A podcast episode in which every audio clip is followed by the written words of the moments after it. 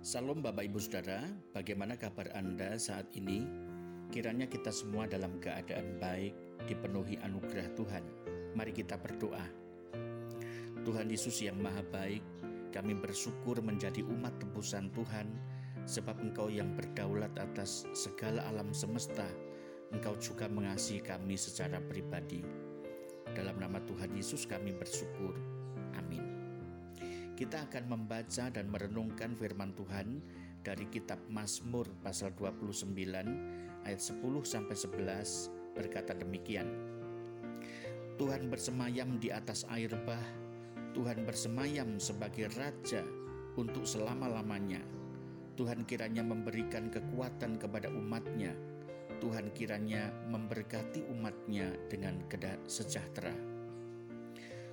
Allah Tuhan alam semesta, Mazmur 29 genrenya adalah Mazmur pujian bagi sang raja.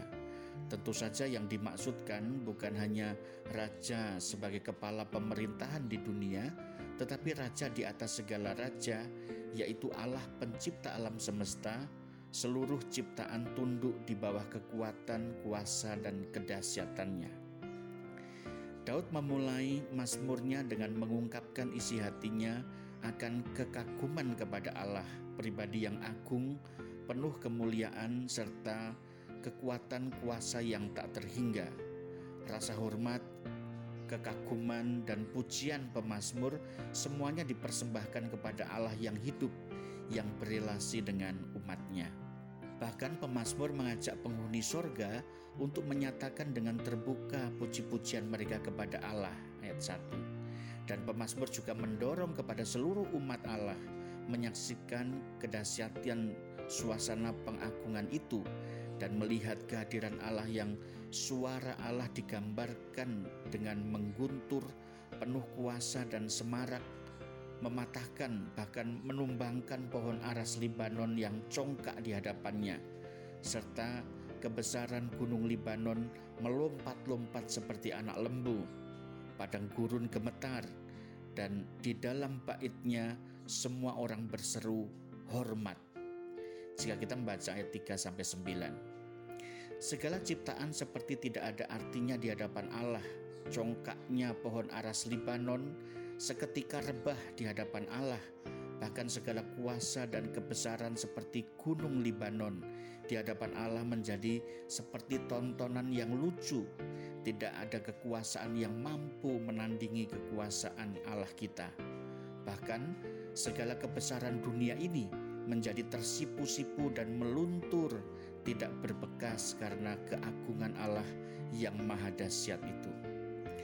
Namun Allah yang maha dahsyat itu juga adalah Allah yang menerima hormat dan puji-pujian dari umatnya. Ia bersuka cita oleh pengagungan mulut kita, serta kasih yang tulus kita ungkapkan kepadanya. Siapakah kita sehingga Allah memperhatikan pujian debu yang tidak berarti ini?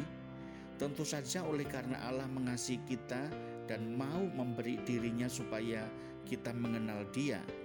Dia memuji dan memuji keagungannya dalam segala aspek kehidupan kita. Jika segenap malaikat surgawi memuji Allah dengan gempita penuh kemuliaan dan keagungan, kita yang sekarang ini sebagai anaknya juga sudah seharusnya dan semestinya memuliakan dan mengagungkan Allah pencipta alam semesta. Penyembahan dan pujian kita harus terwujud dalam ketaatan kita kepada Allah, melakukan dengan sukacita firman Tuhan, dan menyaksikan dengan kegembiraan kasihnya kepada semua orang. Sebab untuk itulah kita dipanggil dan dikasihinya melalui Yesus Kristus putranya yang tunggal Tuhan kita. Mari kita berdoa. Tuhan kami hanya setitik debu tidak sebanding dengan malaikat surgawi. Juga kami adalah manusia kecil yang tidak berguna, tidak sebanding dengan menjulangnya pohon aras dan besarnya gunung Libanon. Namun kami tahu Engkau mengasihi hidup kami dan mau menerima pujian dan bakti kami melalui ketaatan kami kepadamu. Biarlah hidup kami menyenangkan Engkau dan inilah persembahan kami di hadapan Tuhan, yaitu ketaatan kami kepada Tuhan. Dalam nama Tuhan Yesus kami berdoa dan menaikkan syukur. Haleluya. Amin.